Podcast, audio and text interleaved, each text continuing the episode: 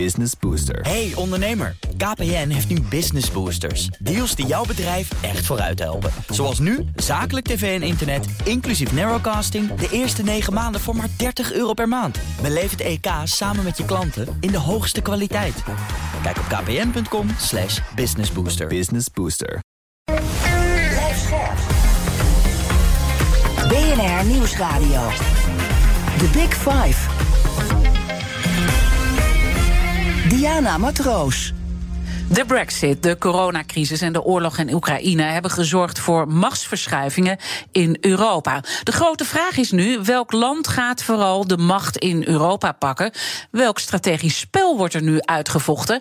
En doen we dat allemaal een beetje slim, ook als het gaat om onze positie ten opzichte van Rusland, de Verenigde Staten en China?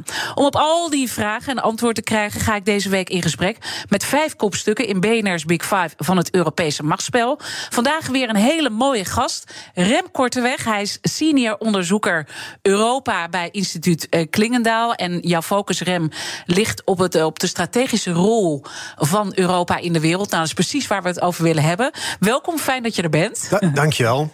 Uh, ik ga het natuurlijk straks uh, uitgebreid met je hebben over de grote machtsverschuivingen ook binnen Europa. En de spanningen die er allemaal zijn uh, tussen Frankrijk en Duitsland. Maar voordat we dat gaan doen, wil ik eerst twee dingen van je weten. Je onderzoekt intussen nou, zo ruim vijf jaar eigenlijk Europa. Hè? Vanuit het uh, instituut Klingendaal uh, doe je dat. Als je dan kijkt naar Europa en hoe we zijn veranderd, wat is dan de belangrijkste verandering die wij hebben ondergaan?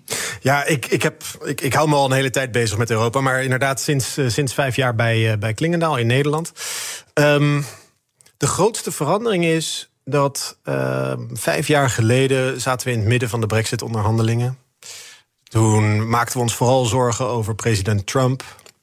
Toen waren we bezig met uh, het opkomend uh, populisme in verschillende Europese landen.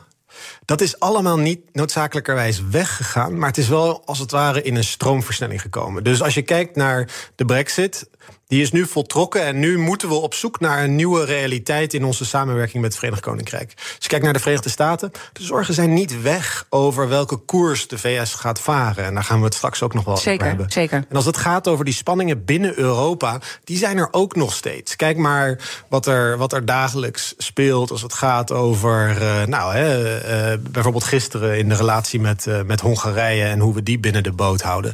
Dus de, de, de trends waren misschien al wel duidelijk vijf jaar geleden. Maar het is allemaal wel in een stroomversnelling terechtgekomen. En mm -hmm. voeg daarbij die enorme geopolitieke klap die we sinds 24 februari uh, te verduren hebben gekregen met, uh, met de terugkeer van conventionele oorlogvoering op het Europese continent. En dat, dat, dat, dat zagen we vijf jaar geleden niet aankomen, die oorlog in, uh, in Oekraïne. Niet op deze wijze in ieder yeah. geval. En dus het, het, het verhardt, denk ik, de analyse dat we echt in een, in een nieuw tijdsgevricht gekomen zijn. Dat we niet meer kunnen praten over de post-Koude Oorlogperiode. Dat we echt op zoek moeten naar uh, nieuwe principes, nieuwe, nieuwe uitgangspunten. Ook voor ons Nederlands buitenlands beleid, maar ook voor ons ja, Europese dus optreden. Ja. Onze Europese identiteit. Uh, zeker, identiteit speelt een hele belangrijke rol.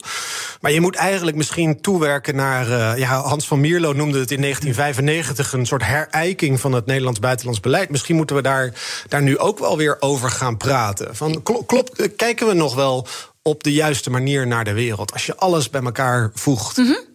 Het tweede wat ik graag van je wil weten, want je zit hier natuurlijk ook als persoon, uh, zit je erin, je zit uh, te kijken. Maak je dan heel erg zorgen als je ziet wat er nu gebeurt?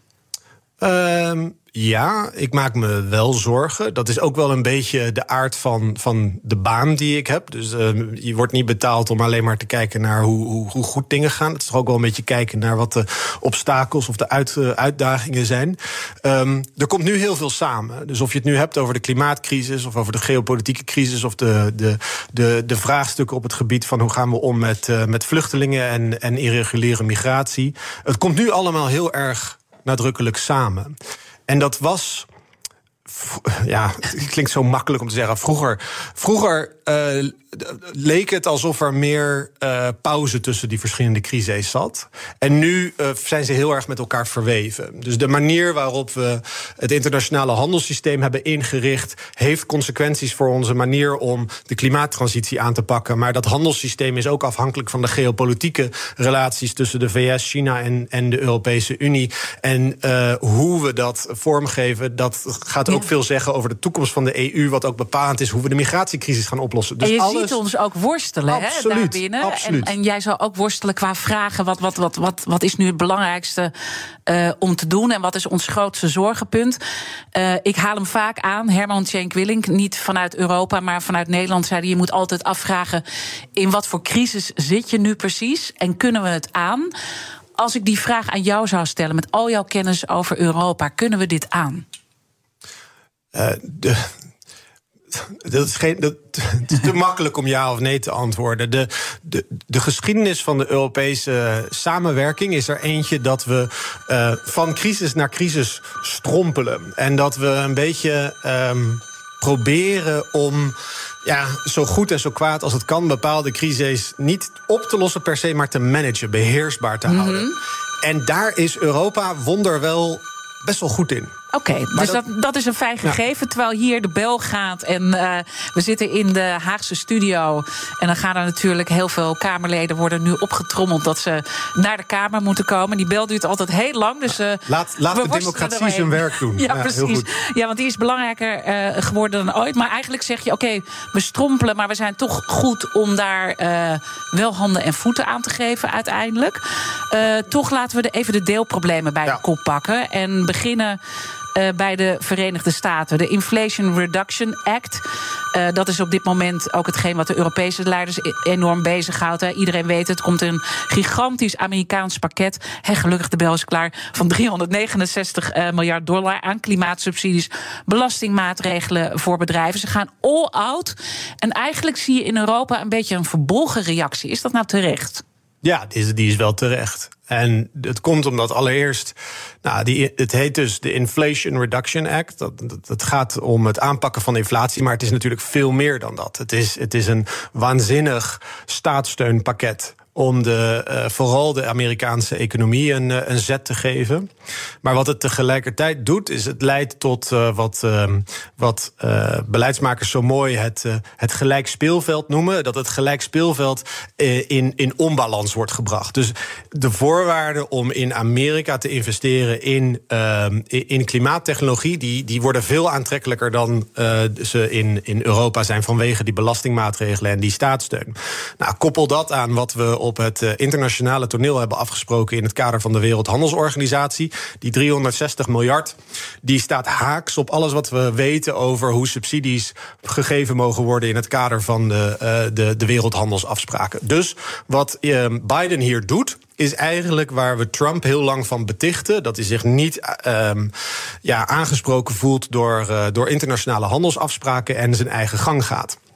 Dat um, zet uh, Europa ja. voor een hele ongemakkelijke situatie. Dat we aan de ene kant ons zorgen maken over het weglekken van onze, uh, van onze eigen groene technologie naar de Verenigde Staten. En aan de andere kant op het bredere politieke uh, toneel is dit een heel duidelijk signaal dat eigenlijk de Verenigde Staten met de Wereldhandelsorganisatie niet zoveel op heeft. Terwijl wij in Europa nog steeds vol vertrouwen of geloof hebben dat we dat multilaterale handelssysteem, yeah. die, dat, dat, dat pakket aan, aan, aan regels waar we vinden dat bedrijven en landen zich aan moeten houden, dat, dat, we, dat we dat in stand kunnen houden. Ja, dus en ik snap dat jij dan zegt: uh, oké, okay, we zijn terecht uh, verbolgen. Maar aan de andere kant, er zit ook iets onder dat een soort verrast zijn dat dit allemaal gebeurt. Terwijl dit is al, je noemt Trump al even, maar ook Obama had niet altijd heel veel op, ook uh, met Europa. En Amerika vol, ja, volgt al heel lang de koers dat ze steeds meer voor zichzelf ja. aan het kiezen zijn. Nee, klopt. En, en, maar verbolgen zijn is ook, voor een, is ook een stukje een emotionele reactie. En dat zit er hier ook heel erg in. Dus volgens mij de, de emotie die de Inflation Reduction Act uh, losmaakt in Europa... is er eentje van, we hadden meer verwacht van Biden of van de Amerikaanse regering. Want uh, we hebben een technologie- en handelsraad, de Trade and Technology Council, waar we over dit soort dingen uh, spreken. En we hadden geen vooraankondiging gekregen. Dus het was een verrassing voor, voor Europa. Daarnaast, uh, Joe Biden die kwam uh, in het Witte Huis met een, met een administratie die als Europese leiders ze mochten uitkiezen, hadden ze, waren ze met dit lijstje gekomen. Het zijn vloeiend Frans sprekende ministers van Buitenlandse Zaken en oud-gedienden van, van de regering Obama, die we allemaal kennen. En we hebben met elkaar vaak de verwachting dat de democratische presidenten ja, toch ook een beetje Europese presidenten zijn. Nou, en nu wordt duidelijk dat dat niet zo is. Dat hadden we moeten weten. Vandaar die, die verbolgenheid van dat we. Um, ja, dat het gordijn een beetje weggetrokken ja. wordt. Dat we ons realiseren van ja, een Amerikaanse president is er primair voor de Amerikanen. Wat ook zo moet zijn. Maar we hebben ons toch een beetje laten verleiden door te denken van nou. Um, ja, Biden is, is, is, is een van ons. Ja, en, en, ze vinden uh, ons belangrijk. Uh, kan het daarnaast ook zijn dat het ook iets uh, te maken heeft met onze eigen houding? Dat de Verenigde Staten ook teleurgesteld zijn in hoe wij handelen en ons opstellen? zeker. En um, luister, de. de ik, ik ben een ontzettende gelover, of ik geloof heel sterk in, in, in goede, uh, hechte transatlantische samenwerking. En kritiek op de transatlantische betrekkingen is zo oud als de transatlantische betrekkingen zelf. Maar um, ik denk dat de Amerikanen absoluut een punt hebben als ze verwacht hadden dat Europa sneller uh, zou uh, ja, reageren of met een duidelijker pakket maatregelen zou komen in de afgelopen twee jaar om bijvoorbeeld de afhankelijkheden van de Chinese economie te verminderen. En dat is niet gebeurd. Het Amerikaanse geduld raakt op. En uh, ook door druk van de, van de midtermverkiezingen, dus het Amerikaanse congres, wat, wat, wat zou veranderen in, met, mm -hmm. met de verkiezingen, moest Biden wel sneller reageren. En dat heeft hij gedaan. The Big Five. Diana Matroos. Mijn gast is Rem Korteweg. Hij is senior onderzoeker Europa bij instituut Klingendaal. Uh, je hebt duidelijk uitgelegd waar aan die kant uh, de pijn zit. We komen straks ook nog natuurlijk uh, bij China uit, want we zitten eigenlijk tussen die twee klem. En ik denk dat het heel interessant is om hier ook de kettingvraag hm. bij te gebruiken. Want het probleem is duidelijk, maar de vraag is hoe gaan we ermee om? gisteren sprak ik met Bert Koenders. Hij is voorzitter van de Adviesraad Internationale Vraagstukken. Een heel belangrijke adviseur van het kabinet als het gaat om buitenlandbeleid. Hij is natuurlijk ook voormalig minister van Buitenlandse Zaken hier bij ons. En Bert had deze vraag voor jou. Ja, Rem, je hebt uh, prachtig uh, onderzoek gedaan bij Klingendaal over handel, over interne markt, over de politieke rol uh, van Europa in de internationale economische betrekkingen. Hoe moeten we daar nu mee omgaan met de Verenigde Staten? Die willen overleg over klimaat, energie uh, en, en, handel. We zijn veiligheidspolitiek van hen uh, afhankelijk. Uh, er zijn ook concurrentie als het gaat om de, de, de, de, ja, eigenlijk het punt dat we tussen China en de Verenigde Staten inzitten. Hoe moet Nederland daarmee omgaan en welke positie moet ze innemen? Ja, hoe moeten we ermee omgaan? Um, ja, dat is de hamvraag ja. die, die Bert Koenders stelt. Maar daar, daar valt wel wat over te zeggen. Kijk, de. Um, de Amerikanen verwachten dat wij, even heel plat gezegd, uh, dat, dat, dat Europa, Nederland, Amerika volgt in uh, de, de strijd die aan het ontwaken is, of eigenlijk al ontwaken is, tussen de VS en China. Ja. Op handelsgebied, op veiligheidsgebied. Bert Koeners heeft helemaal gelijk dat wij waanzinnig afhankelijk zijn van de Amerikanen nog steeds op het gebied van, van veiligheidspolitiek. Tegelijkertijd, waar we het net al even over hadden met de Inflation Reduction Act, hebben wij ook echt zorgen over het Amerikaanse, het e-, Amerikaans economisch en industrieel beleid. Nou, wat zouden we kunnen doen? Wij zouden met de Amerikanen veel diepere afspraken kunnen overwegen. Bijvoorbeeld op wat voor investeringen in je eigen economie uh, gerechtvaardigd zijn in deze nieuwe geopolitieke context. Met andere woorden, is het niet tijd om met de Amerikanen aan tafel te gaan zitten. En misschien is de Inflation Reduction Act wel de aanleiding daarvoor. Om te zeggen. Laten we eens kijken hoe wij staatssteun geven. Die Wereldhandelsorganisatie, we hadden het er net al over, is verlamd. Waarom gaan we als EU en VS niet proberen om op een aantal sectoren, bijvoorbeeld op uh, halfgeleiders of op uh, investeringen in groene technologie, of breder op de subsidies die we geven aan onze eigen uh, mm -hmm. industrieën, dat we proberen om daar een soort kaders af te spreken. Want die kaders die functioneren niet meer op internationaal niveau. Laten we dat op bilateraal niveau doen. Mhm. En dan kom je heel snel toch een beetje terug. eh, en dat is misschien een beetje vloeken in de kerk. bij eh, wat we in 2015, 2016 met de Amerikanen probeerden te doen. Namelijk in het kader van een transatlantisch vrijhandelsakkoord. Dat heette destijds heette dat TTIP. Dat is eh, gesneuveld, vooral omwille van, van binnenlands Europese druk. Um, maar in een periode waarin de heel, Wereldhandelsorganisatie op zijn gat ligt. en we de problemen ondervinden van dus waanzinnige staatssteun. die de Amerikanen geven, waarin er een risico is dat mm -hmm. onze eigen technologie en economie weglekt naar de VS. Nou ja, nee, moeten, we dan niet, moeten we dan niet met de Amerikanen proberen om handelsafspraken te maken. om dit soort dingen te voorkomen? Of in ieder geval uh, ja, een beetje te, te, te begeleiden. Want en anders, zou je dan ook zo'n anders... afspraak moeten maken uh, rond ASML? Als je nu ziet dat in Arizona een gigantische. Uh, uh, chipfabriek wordt neergezet, enorm wordt geïnvesteerd uh, vanuit Taiwan. Moet je, moet je hier ook afspraken over maken dan? Ja, misschien. Misschien, uh, ja, kijk, ASML en TSMC zijn, zijn uh, dat is een beetje appels en peren. Kijk, mm. uh, TSMC die gebruikt ASML-machines die in Arizona worden neergezet. Dus volgens mij wordt ASML daar niet, niet noodzakelijkerwijs minder van. Maar je kan wel met elkaar afspraken maken over hoe gaan we om met het, met bijvoorbeeld halfgeleiders. Um, dat we er, we, we, we delen de zorgen van de Amerikanen dat we te afhankelijk zijn geworden van China.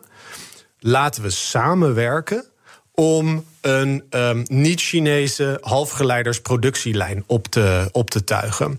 Laten we dat niet afzonderlijk doen. Want als we het afzonderlijk gaan doen. En dat zie je nu gebeuren met een Chips Act in de Verenigde Staten en een Chips Act in, uh, in Europa. Dan gaan we dupliceren. Dan gaan we eigenlijk uh, extra subsidies uh, op een inefficiënte wijze gaan we, gaan we uitrollen. En dan gaan we ook met elkaar concurreren. Mm -hmm. Dus je zou op dat macroniveau zou je veel meer kunnen doen aan het afspreken van ja. investeringsregels, is, is, subsidieregels. Dat wat Macron wellicht heeft gedaan. Want die is natuurlijk bij Biden geweest. En Biden zegt: joh, ik ga er nog even naar kijken. Maar we weten allemaal, hij gaat gaat dit plan gewoon uitvoeren. Ja. Want hij heeft daar zoveel steun voor. Alles, alles is al geregeld. Dus dat gaat hij echt niet meer terugdraaien. Maar zou het hierin kunnen zitten uh, waar afspraken mogelijk over gemaakt zijn? Hier, nou, ze zijn nog niet gemaakt. Nee, uh, maar achter de maar, schermen dat ze hierover ik, spreken? Ik, ik, Kijk, wat Macron gezegd zal hebben is. Um, want in, die, in dat pakket van 360 miljard, wat, wat Biden op tafel mm -hmm. heeft gelegd, is er een deel dat gaat over elektrische voertuigen. En dat is het meest, het meest gevoelige onderdeel als het gaat over het wegtrekken van, um, van industriële capaciteit uit Europa en, en, en naar de Verenigde Staten halen. Onderdeel van die elektrische voertuigen is een clausule in de wet die zegt. Um, die subsidies zijn beschikbaar voor, voor de Verenigde Staten, maar ook voor landen waar de Verenigde Staten een vrijhandelsakkoord mee heeft. Canada, Mexico, Zuid-Korea, Japan. Europa wordt buitengesloten. En wat Macron gezegd zal hebben is van ja, valt daar niet iets over te doen. Waarom is er alleen maar een uitzondering gemaakt voor landen waar de VS een vrijhandelsafspraak mee heeft? Dat hebben we niet met de, met de mm -hmm. Europese Unie. En daarvan heeft Biden al gezegd: ja, uh, sorry, oeps, dat is misschien een foutje van het desbetreffende congreslid die dat erin heeft geschreven. Want dat desbetreffende congreslid die bedoelde eigenlijk bondgenoten en vrijhandelspartners. En die dacht dat dat uh, dezelfde uh, zouden zijn. Dat is niet het geval. Dus Biden heeft aangegeven, nou, misschien kunnen we dat iets oprekken. Ja. Dat is maar een deel van die Inflation Reduction Act. Wel een belangrijk deel, maar dan blijft er nog steeds wel die vraag over die enorme hoeveelheid staatssteun die er gegeven gaat worden aan de bredere sector van, uh, van, uh, van klimaattechnologie in, uh, in de, of de klimaatsubsidies. Daar kan je met een soort TTIP-achtige constructie zou je met de Amerikanen okay. afspraken moeten kunnen maken. Dat, dat zou een, een, een uitwegje kunnen zijn. Of nou, uitwegje, een belangrijke uitweg wellicht. Uh, toch probeer ik dan te plaatsen wat jij zegt uh, in het licht van de rol die China en ook de ja. relatie die wij met China hebben. Want zo begonnen wij deze uitzending. We zitten eigenlijk klem tussen deze twee grootmachten.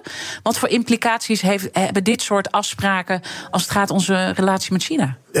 Allereerst, we handelen en investeren ongelooflijk veel in de Amerikaanse markt en ook in de Chinese markt. Dus we zitten, precies wat je zegt, we zitten daar echt tussen.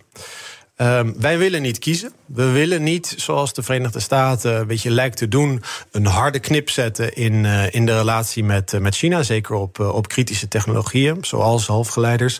Wij willen nog steeds ook wel die afzetmarkt in China blijven benutten voor onze eigen bedrijven. En laten we niet vergeten dat de Chinese markt ook waanzinnig innovatief is. Dus daar komen ook nieuwe ideeën uit die we misschien zelf ook Um, waar we ook uh, ons voordeel mee willen doen. Mm -hmm. Dus er is een soort ja, uh, um, gemene deler in Europa van ja, wij willen niet mee in die ontkoppelingswoede uh, die er in Amerika heerst. Aan de andere kant, wat dan wel? Want we zien tegelijkertijd dat er een aantal hele onaantrekkelijke afhankelijkheden zijn ontstaan met betrekking tot China. Zeker op het gebied van kritische, de aanvoer van kritische grondstoffen.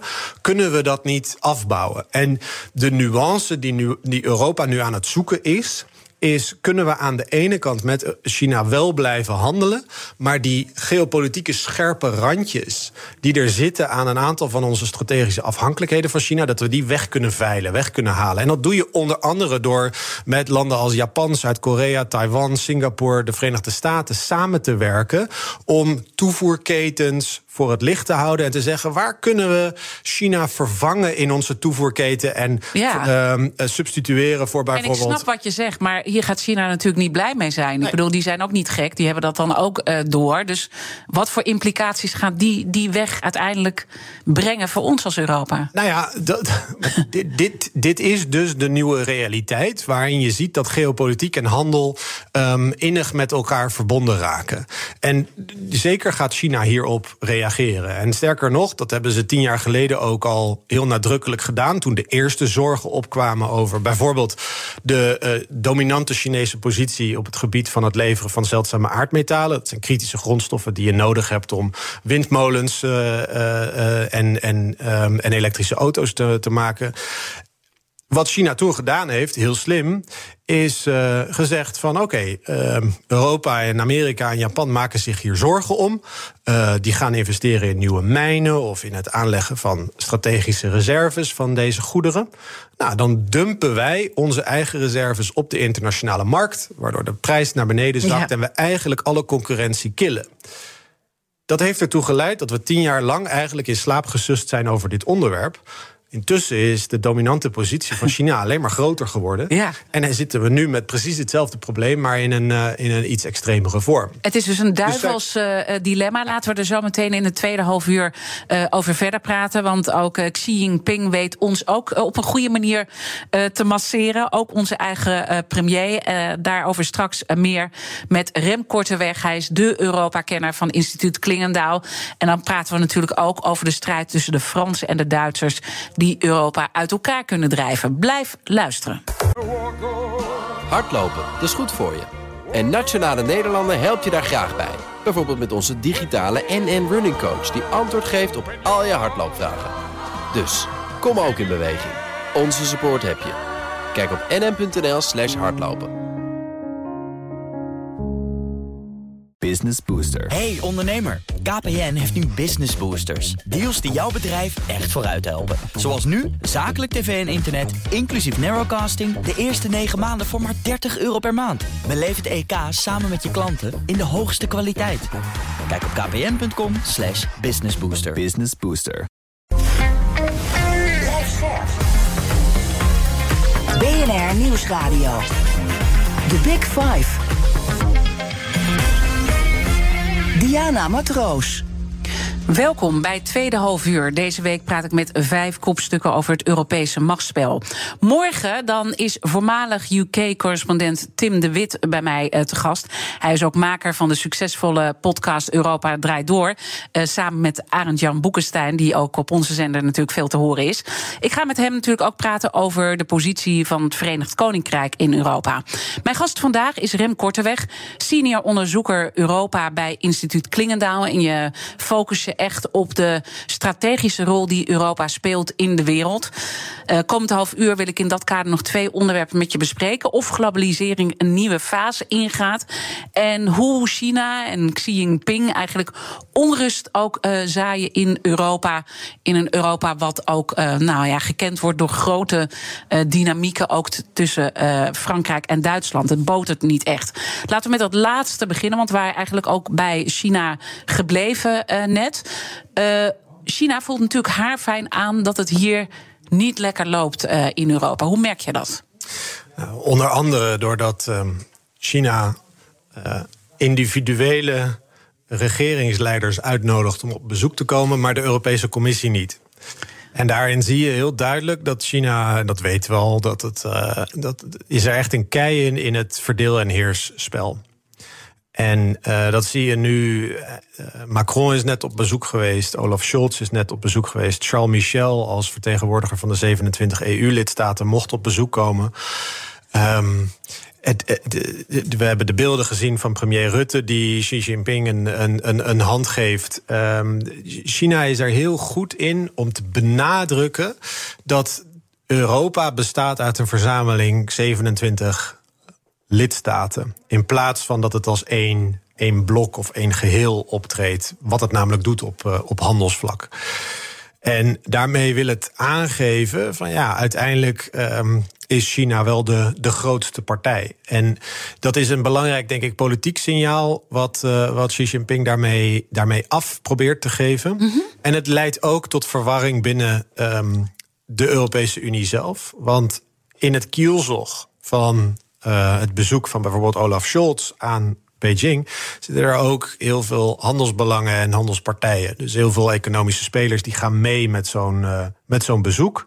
En handelsbevordering is niet een Europese competentie, handelsbeleid wel. Dus je ziet al die regeringsleiders die willen ook iets doen voor hun tussen aanhalingstekens eigen, eigen bedrijfsleven. Ja, dat is natuurlijk dat ook uh, uh, wat, wat Duitsland best wel nou ja, uh, kwalijk wordt genomen. Hè, die wel erg kiezen voor zichzelf. Zich enerzijds als een soort leider van Europa proberen te positioneren. Maar ook zeggen, ja, dat is allemaal voor mij. Ja. Ja, ja, Olaf Scholz had gisteren interessant in het toonaangevende tijdschrift Foreign Affairs ja. een, heel lang, een heel lang essay. Waarin hij vertelde over wat de Zeitenwende, dus die, die, die omslag in het, in het buitenlandse veiligheidsdenken van, uh, van Duitsland sinds 24 februari. Um, wat dat inhoudt op internationaal vlak. En in dat artikel um, gaat een, een, heel groot gedeelte gaat over China. China is het meest genoemde land volgens mij ook in het, in het artikel. En hij neemt nadrukkelijk afstand waar we het net al een beetje over hadden, van dat beeld dat we naar een nieuwe Koude Oorlog toe gaan. Uh, tussen de VS en China. En hij, hij, ziet echt dat we een, een multipolaire wereld, zoals dat zo mooi heet, moeten creëren. waarin Europa eigenstandig een stem heeft in de betrekkingen met zowel China als de Verenigde Staten. Dus hij zegt wel van ja, dat betekent niet dat we op gelijke afstand van China en de VS staan. Want we zijn, net als de Verenigde Staten, democratieën. En de veiligheidsrelatie met de VS is, staat, staat buiten kijf. Aan de andere kant zegt Scholz van ja, we moeten een manier vinden om toch samen te werken met landen die niet zoals de onze zijn, die autocratieën zijn, waar we ook hele belangrijke economische banden mee hebben. Um, en, en dat is, het, het artikel is een combinatie tussen wens, een soort het normatief, dus een soort wensdenken en, en, en wat hij daadwerkelijk ook wil gaan doen. Maar je ziet in dat artikel, ja, die spagaat, dat dilemma waar we het nu mm -hmm. al een beetje over hebben, van ja, we, we willen niet die nieuwe Koude Oorlog. We willen niet hoeven te kiezen tussen de VS en China. En um, we dus we proberen met iedereen een beetje vriendjes ja, te blijven. Ja, en, en, en in Europese context wordt dat vaak vertaald in de termen van strategische autonomie. Dus we willen heel erg graag ons best doen, in Europees verband ook aangejaagd door Duitsland, om minder afhankelijk te zijn van zowel China, maar ook van de Verenigde Staten. Dus echt een beetje zo'n middenpositie uh, um, ja, uh, voor elkaar krijgen, zowel op economisch vlak als op militair vlak. Um, maar dat is lastig. Dat is lastig omdat wij dat niet als Europeanen of als, of Scholz als, als vertegenwoordiger van Duitsland hebben dat niet in ons eentje voor het zeggen. Dus we kunnen nu wel denken dat wij een soort brug kunnen vormen tussen de VS en China. Of dat we de banden open kunnen houden en dat we met alle partijen goed kunnen blijven samenwerken. Maar eerlijk gezegd hebben de VS en China daar zelf ook wel een stem in of dat ook gaat, gaat lukken. Nou ja, dus het die spelen het spel natuurlijk heel hard. Ja. Dus het is ook een kwestie van eh, voor wie eh, kiezen. En, en dat lijkt toch wel een beetje de duw te zijn die wij nu krijgen. Van, Ja.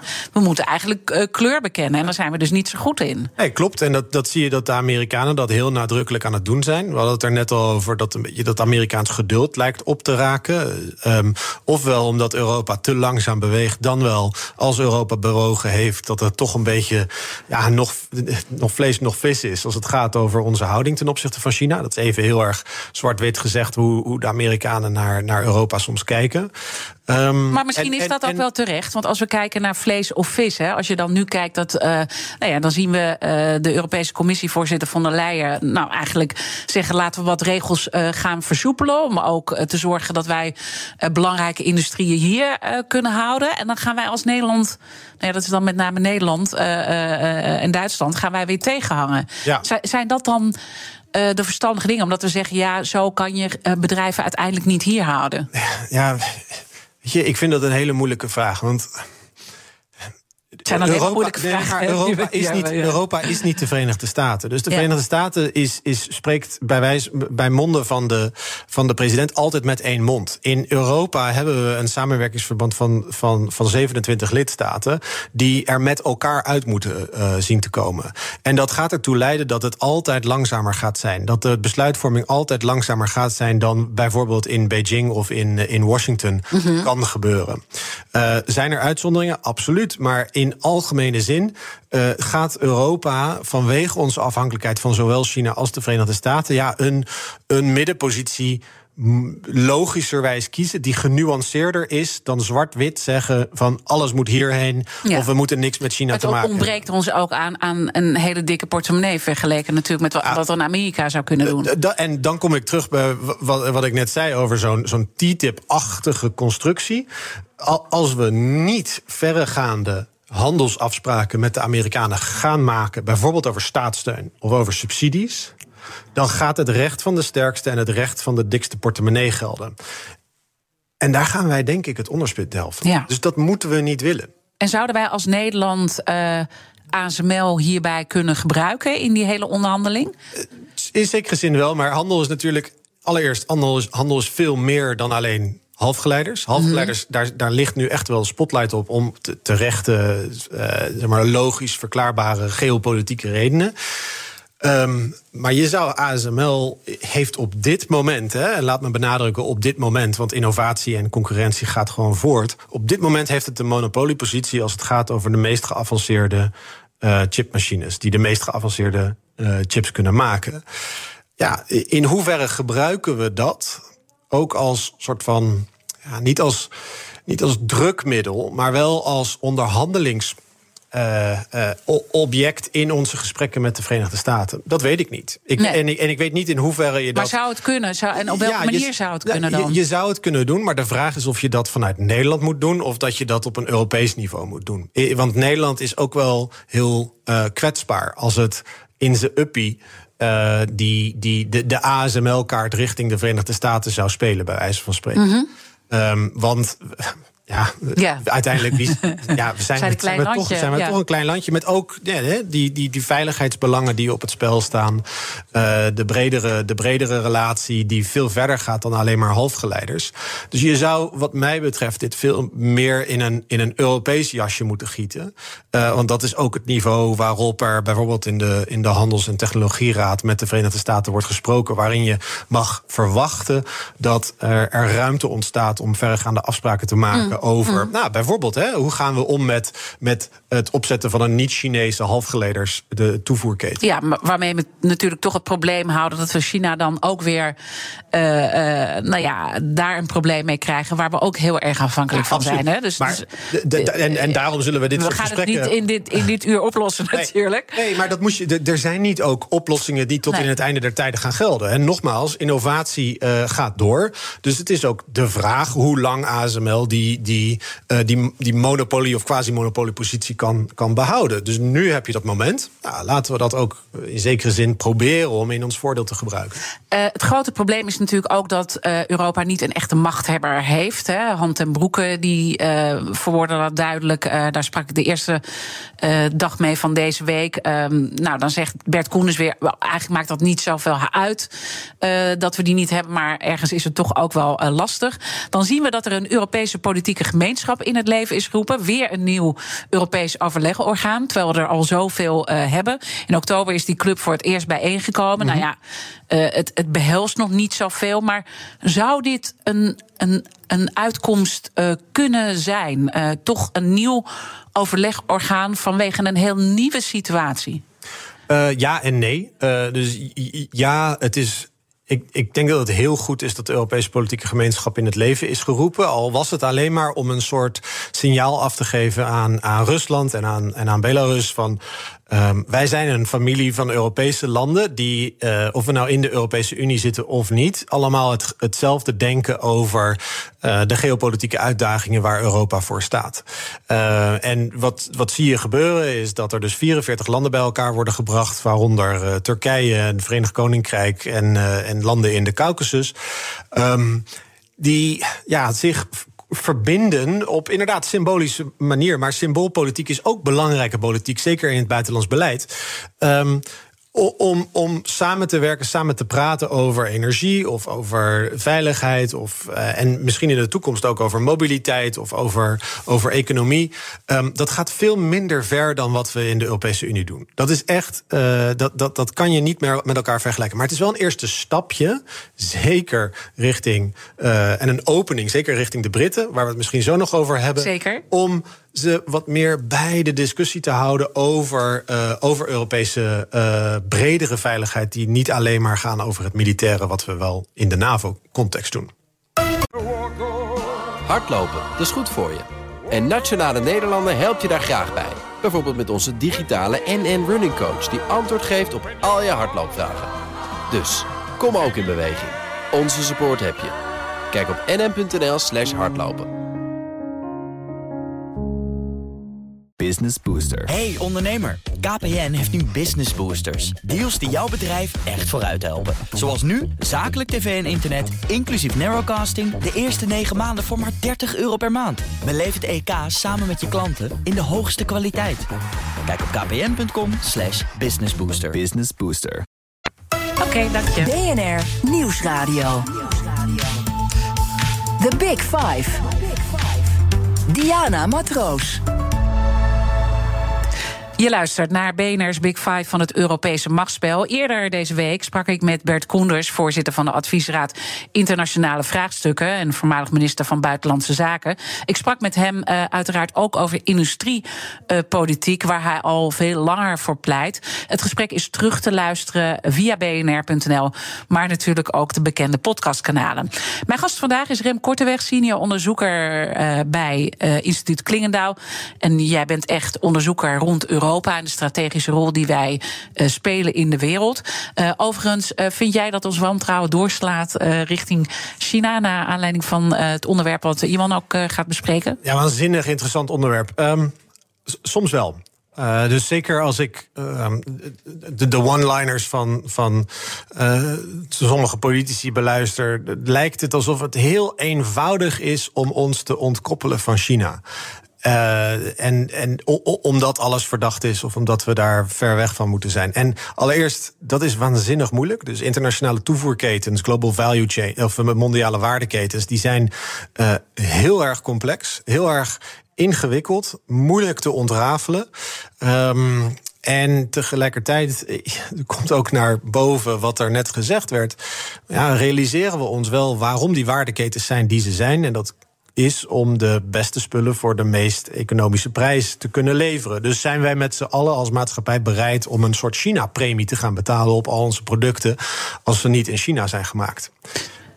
Denk jij dat, dat uh, in dat kader globalisering een nieuwe fase ingaat? Absoluut. Absoluut. En ik denk dat dat echt het verhaal is van de komende jaren.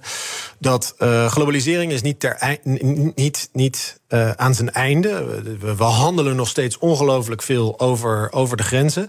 Maar je ziet wel een trend naar meer regionalisering. Naar um, eigenlijk fragmentatie. Naar, naar verschillende blokken die veel inniger met elkaar gaan samenwerken. Je ziet het ook bijvoorbeeld met de, met de Nederlandse economie. Wij zijn in de afgelopen paar jaar veel meer met de Europese Unie gaan handelen. dan we met de rest van de wereld uh, uh, de, of, deden. Um, tuurlijk doen we nog steeds heel veel grens grensoverschrijdende handel. Um, bijvoorbeeld een hele interessante dynamiek is in digitale handel, e-commerce. Dat is echt, uh, daar gaat uh, globalisering steeds verder.